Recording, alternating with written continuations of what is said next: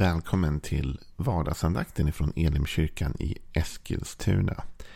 Jag heter Joel Backman och är pastor i Elimkyrkan. Och om du vill veta mer om oss, gå gärna in på vår hemsida www.elimkyrkan.com. Kolla in vår Facebook-sida Elim Eskilstuna eller prenumerera på vår YouTube-kanal Elimkyrkan Eskilstuna. Om du gör något av dem eller alla tre så kommer du inte missa något av det som händer hos oss eller som är på gång hos oss eller som vi vill få erbjuda till dig. Jätteroligt att du är med.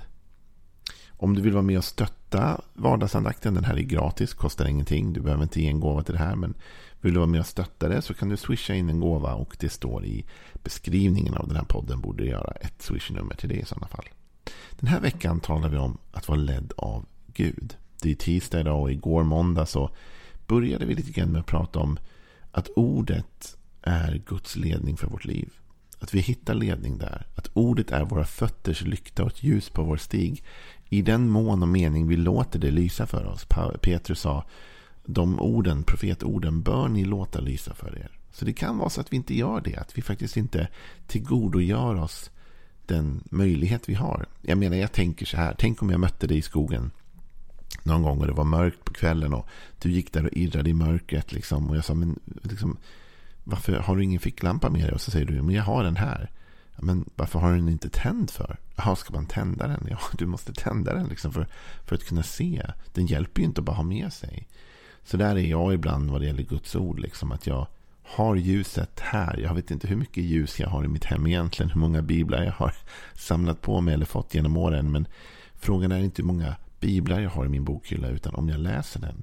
Och om, den låter, om jag låter den lysa. Om jag låter den tala in i mitt liv. Om jag låter den förtydliga och förklara. förklara förtydliga saker i mitt liv. Klargöra saker i mitt liv. Finns det något mer? Finns det någon mer väg än just eh, ordet? Inte för att förringa ordet eller ta bort ordets plats eller funktion. Utan bara allmänt, finns det någon mer väg att ta än bara det? Jo, Gud har flera verktyg, flera vägar att förmedla ledning till oss i livet. Och ledning är viktigt. Jag känner liksom personligen, det är därför jag tar den här veckan och pratar om det med dig. Att jag tror att det kanske är viktigare än det har varit på många år. Viktigare än det har varit på länge att vi lever i Guds ledning. Att vi har en kanal öppen till honom för vägledning i livet. För det är så mycket i livet just nu som är annorlunda. Och då behöver vi hitta liksom en väg. Vi behöver hitta en linje. Vi behöver hitta en stig. Det andra vi kan göra förutom att gå till ordet, vilket vi alla kan göra, så kan vi också alla göra detta. Det är att vi kan be. I bönen finner vi Guds vägledning. Bönen är ju en dialog med Gud, ett samtal med Gud. Där vi talar till honom men också låter honom tala till oss. Och i bönen så tydliggörs ofta Guds väg. Guds ledning. Förr i tiden var det mycket mer vanligt i, i kyrkan än vad det kanske är idag. Vissa kyrkor kanske gör det hela tiden. Men, men jag vet förr liksom att man kanske pratade om någonting. Man kanske nästan var överens om någonting. Och så var det ändå någon eller några som sa nu ska vi ta en vecka och be över det här. Eller nu måste vi be över det här. Nu måste vi be och se. Och vad man menade med det var nu måste vi lägga det här inför Gud och se om Gud säger något annat. Liksom. Det här kanske verkar superbra ur ett mänskligt perspektiv. Det här kanske liksom tick all the boxes. Liksom. Det här kanske är helt rätt. Liksom. Men, men det känns ändå som att vi måste höra vad Gud har att säga. Innan vi törs liksom, ta steget.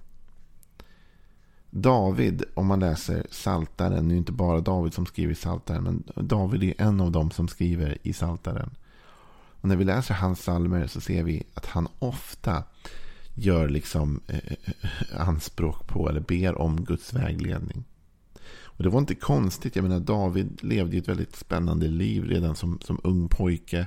Tonåring i alla fall blir han utvald att bli kung över Israel. Och det tar en liten tid innan han liksom blir kung.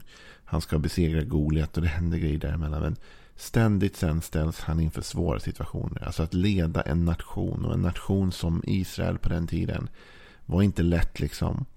Och David hamnade i diverse konstiga, kluriga situationer. Fick fly för sitt liv. Mycket annat som hände. Och vi ser ständigt att i de här psalmerna så, så samlas hans oro, hans ångest, hans frågor. Men också just detta att han liksom vänder sitt hjärta till Gud i bön för att få svar. För att få vägledning. Och En av de psalmerna är psalm 25. Och Nu är det en ganska lång psalm. Och jag känner att vi, vi ska inte läsa igenom hela den nu. Men du, om du lyssnar på den andakten idag. Jag kan ju uppmuntra dig att faktiskt läsa igenom hela psalmen när du kommer hem. Det är helt okej okay att, att göra på det sättet. Att ta den tiden att se vad vill ordet. Men låt oss nu läsa tillsammans psalm 25. Och lägg märke till språket redan i början av psalmen att det här är en bön. Så här står det, psalm 25. Av David. Herre, jag sätter mitt hopp till dig. Du min Gud. Jag förtröstar på dig, svik mig inte. Låt inte mina fiender triumfera. Den som hoppas på dig blir aldrig besviken. Men den trolöse ska stå där tomhänt. Herre, lär mig dina vägar. Visa mig dina stigar. Led mig i din sanning. Lär mig. Du som är min Gud, min räddare. Ständigt hoppas jag på dig. Herre, kom ihåg din barmhärtighet och den godhet du har visat. Så här talar David, han börjar ju med liksom att vi förstår att han är i en strid, en kamp. Va? Låt inte mina fiender triumfera. Jag sätter mitt hopp till dig. Så David är i pressat läge. David är i en situation där han är i strid och han säkert ger han ju uttryck för också undrar över hur ska detta gå och hur ska jag göra? Vilka steg ska jag ta? Vad, är min, vad blir min approach till det här? Hur ska jag bemöta detta? Och, och vad gör han? Han ber. Herre, jag sätter mitt hopp till dig. Du är min Gud.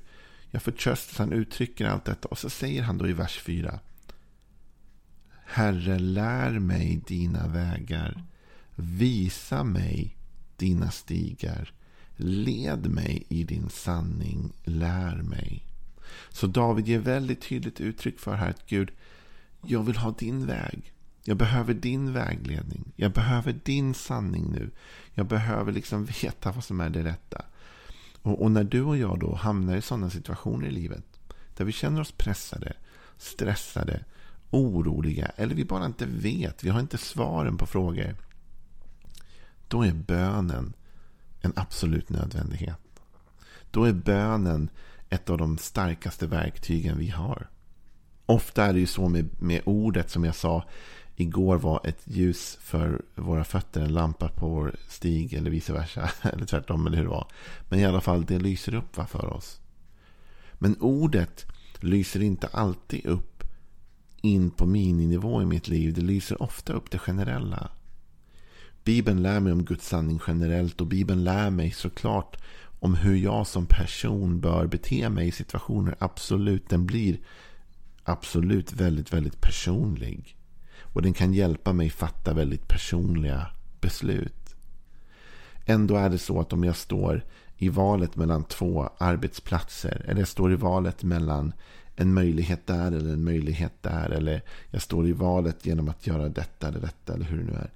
Så är det inte alltid Bibeln säger liksom du ska jobba på 7-Eleven och inte på det andra stället. Eller du ska jobba på det där eller det där. Alltså Bibeln är inte superspecifik personligt så jämt. Men hur ska jag då veta om jag då står i det valet?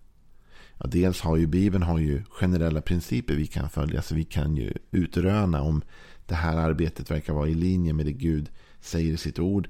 Ja, då, eh, visst ljus kan vi få av det. Men säg att du har två arbetsplatser och båda verkar lika bra ur ett bibliskt perspektiv. Det går inte att hitta någon nackdel liksom ur skriftens synpunkt på att jobba där eller jobba där. Hur ska jag då veta? Ja, då har vi bönen.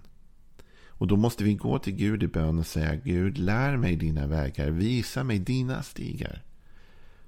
Led mig i din sanning. Just den här frasen var led mig i din sanning, lär mig. Här säger David, Gud jag vill att du ska leda mig. Jag vill att du ska föra mig. Och det där är en så viktig bön att be. Led mig Gud. Och hans ledning kommer då till oss i olika som bönesvar men ur olika perspektiv ibland. Det ena sättet Gud leder oss i bön det är såklart det som man tänker generellt. Liksom då, att han ger svar. Att helt plötsligt så får vi någonting till oss. Vi får en insikt, vi får en kunskap. En del hör tydliga som Guds röst tydligt och klart. Och en del får bara en inre tillförsikt, en övertygelse. Helt plötsligt bara vet man, ah, det var ju det där. Nu känner jag, nu förstår jag, nu har det klarnat. Eller man ser något nytt som öppnar ens ögon. Och man förstår att Gud har talat till mig i bön. Därför bön är ju en dialog, en kommunikation. Och då förstår jag, nu har Gud gett mig svar. Men ett annat sätt som ibland Gud ger oss svar i bön och ger oss ledning är att Gud bara stänger dörrar och vägar. Han leder som David bad, led mig. Och ibland blir det så att vi kanske inte får ett tydligt svar. Vi kanske inte hör en röst eller ser en eldskrift på någon vägg eller något annat. Eller känner någonting inre ens. Men helt plötsligt när vi stod i valet mellan två jobb så stängdes det ena. Och då vet vi att Gud har lett oss som svar på vår bön. Va? Vi bad om Guds vägledning och helt plötsligt försvann ett alternativ. Eller öppnade sig ett nytt. Helt plötsligt när vi sitter och tänker Gud, jag behöver hjälp. Jag behöver ett jobb, jag vet inte vad jag ska göra. Led mig. Och så helt plötsligt öppnar sig en arbetsplats. Ja, men då förstår vi att det här är ju Guds ledning. Som svar på bön. Fastän han sa kanske inget. Men han visade, han skapade en väg. Han tog mig vid handen och ledde mig. Eller så ger han svar då. I det inre, att vi känner, vi förstår, vi får en vägledning.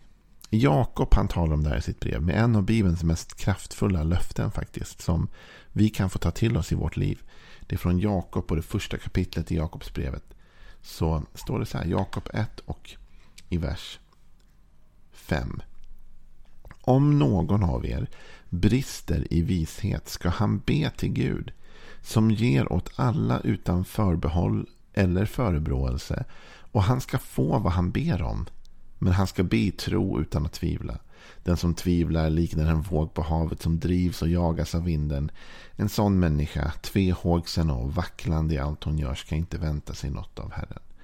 Lyssna, vad säger Jakob? Han säger, om någon brister i vishet, kanske inte är du, men det kan ju vara jag i alla fall, som då och då brister i vishet, som alltså inte har all kunskap om allt, kan jag i alla fall säga att det är jag då och då. Om, om vi brister i vishet, vi har inte svaren, vi vet inte vägen, vi behöver vägledning. Vad ska vi göra då? Vad säger Jakob? Vad, vad är course of action då? Jo, det är be. Om någon av er brister i vishet ska han eller hon be. Då ska vi vända oss till Gud med vår bön och säga Gud, jag behöver vishet. Jag behöver vägledning. Precis som David bad, led mig. Visa mig din sanning, lär mig. Då ska vi be till Gud som ger åt, åt vem? Åt alla. Utan förbehåll eller förebråelse. Är det inte fantastiskt att när vi kommer till Gud och vi ber om vägledning så börjar inte Gud med ett förebrå oss. Det börjar inte med liksom att Gud säger så här, ja det var ju typiskt att det är klart du behöver vägledning. Tänk vad du har ställt till det för dig själv. Hur kunde du hamna här? Hur kunde du ställa till det så här? Nu måste du verkligen, du vet en del människor älskar att börja där. Men vad säger Jakob? Han säger att när vi ber till Gud, när vi vänder oss till Gud i kommunikation, när vi vänder oss till Gud med vår längtan. Så möts vi inte av förebråelse. Eller massa förbehåll. Utan han ger oss den vägledning vi ber om. Utan att döma. Han bara visar oss en ny väg. Han visar oss den rätta vägen. Och han ska få vad han ber om. Så Jakob säger, du vet, om vi ber om vägledning så kommer vi få vägledning. Det är ett löfte ur Bibeln. Han ger åt alla utan förbehåll eller förebråelser. Vi ska få det vi ber om. Men det finns en sak, säger Jakob, som är viktig när vi vänder oss till Gud. Det är att vi ska be i tro. Med andra ord, vi ska be förväntansfulla. Vi ska be med en faktisk, faktisk förväntan av att han kommer att svara mig på min bön. När vi vänder oss till Gud så ska vi göra det i tro. Det innebär att jag, jag säger inte till Gud, led mig Gud, men egentligen så tror jag inte att han kan eller vill. Eller, alltså jag, har bara liksom, jag kommer ändå försöka hitta min egen väg. Utan att be i tro, det är att vända sig till Gud och säga Gud, Led mig, visa mig din väg, ge mig vishet. Jag tror att du verkligen kommer göra det Gud. Därför känner jag mig trygg, därför känner jag att jag har frid. Därför jag vet att även om inte jag har svaret nu så kommer du visa mig svaret. Och även om jag inte vet vilken väg jag ska gå så kommer du visa mig vilken väg jag ska gå. Jag har förtröstan för dig, jag har tillit till dig, jag har tro till dig. Då säger Jakob att vi ska få det vi ber honom om. Så tänk vilket löfte att stå på en tisdag som denna. Tänk vilken sanning att ta till sig. Att om någon av oss brister i vishet, inte vet vägen, söker efter svaren. Så får vi be till Gud som ger till oss alla utan förbehåll eller förebråelse. Och vi kommer att få den vishet, den vägledning vi bad honom om. Det borde vara nog för att göra den här tisdagen lite gladare och muntrare. Vi ses imorgon.